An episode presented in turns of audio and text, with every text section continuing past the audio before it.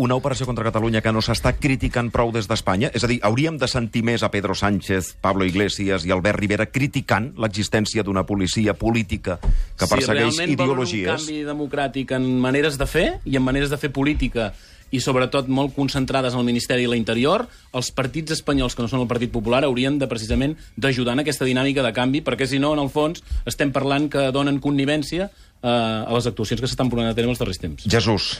Jo crec que això és qüestió d'estat, no? Vull dir, hi ha silenci perquè és una qüestió d'estat, perquè no és una qüestió del Partit Popular o del Partit Socialista o, o de qualsevol altre partit, sinó que és una qüestió d'estat i, per tant, totes les estructures d'estat i totes aquelles persones que ara estan al Consell d'Estat i totes, eh, no? tots aquells interessos que, que es mouen darrere de, dels interessos de l'estat espanyol, doncs ara mateix eh, van en la mateixa direcció i, la, i generen silenci. Per, aquest silenci és fruit també del panorama mediàtic que, que tenim a l'estat espanyol, un panorama mediàtic que no dona possibilitat a trencar aquest silenci al voltant d'escàndols com aquest. Mm. Ho, ho vam veure amb el cas de Fernández Díaz, no? I en el que a Espanya això no va ser un escàndol. Toni Aire. Comparat amb el que va ser aquí, no. Eh, a mi em sembla una cutrada i, i em sembla preocupant. Una cutrada perquè eh, pensem que ens assabentem de tot això a partir del pequeño Nicolás, eh, que és una cosa realment esperpèntica, eh, que en un estat eh, aquest personatge que jo l'he vist en reality shows eh, i companyia pugui haver arribat on ha arribat i uh, i tenir les complicitats que ha tingut a, a certs estaments, en, fins i tot de la policia o del mateix govern. Ho trobo esperpèntic. I ens n'hem adonat, o, o hem sabut d'això, com una derivada d'aquest cas. Preocupant des del següent punt de vista. No per la guerra bruta. Tots els estats tenen les seves clavegueres, malauradament. Uh, jo no dic amb això que la justifiqui, sinó constato que això passa.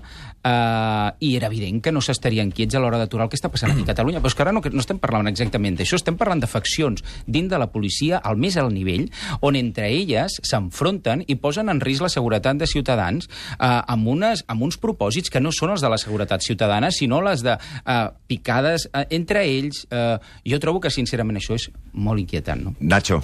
A mi em resulta molt inquietant i molt lamentable el fet que hi hagi aquestes, aquests bàndols dintre de, de la Policia Nacional, dintre precisament d'aquells que estan encarregats de vetllar per la seguretat dels ciutadans. Per tant, primer punt que em sembla absolutament preocupant. D'altra banda, em semblaria molt preocupant, molt i molt preocupant, que mm, algú del Ministeri d'Interior, de la policia o fos qui fos, pretengués saltar-se la legalitat, saltar-se l'estat de dret per perjudicar algun adversari polític. És evident que qualsevol estat de, del món mm, tindrà coses dintre del Ministeri d'Interior que el conjunt de la ciutadania no coneixerà. No és un cas excepcional d'Espanya, sinó que és, un, és una cosa habitual a tot el món. Ara, insisteixo, mentre hi hagi el límit de l'estat de dret i ningú no es plantegi saltar-se aquest límit, a mi em sembla que podem estar tranquils. Lluís Guinó. No, jo crec que no podem estar tranquils, entre, entre altres coses, perquè els darrers temps s'han superat tots els límits de l'estat de dret des d'una perspectiva clarament governamental i en concret per part del Ministeri de l'Interior i fins i tot en el cas de l'oficina antifrau. Per tant, el problema d'aquestes qüestions és que han generat o generen eh, tal índex de,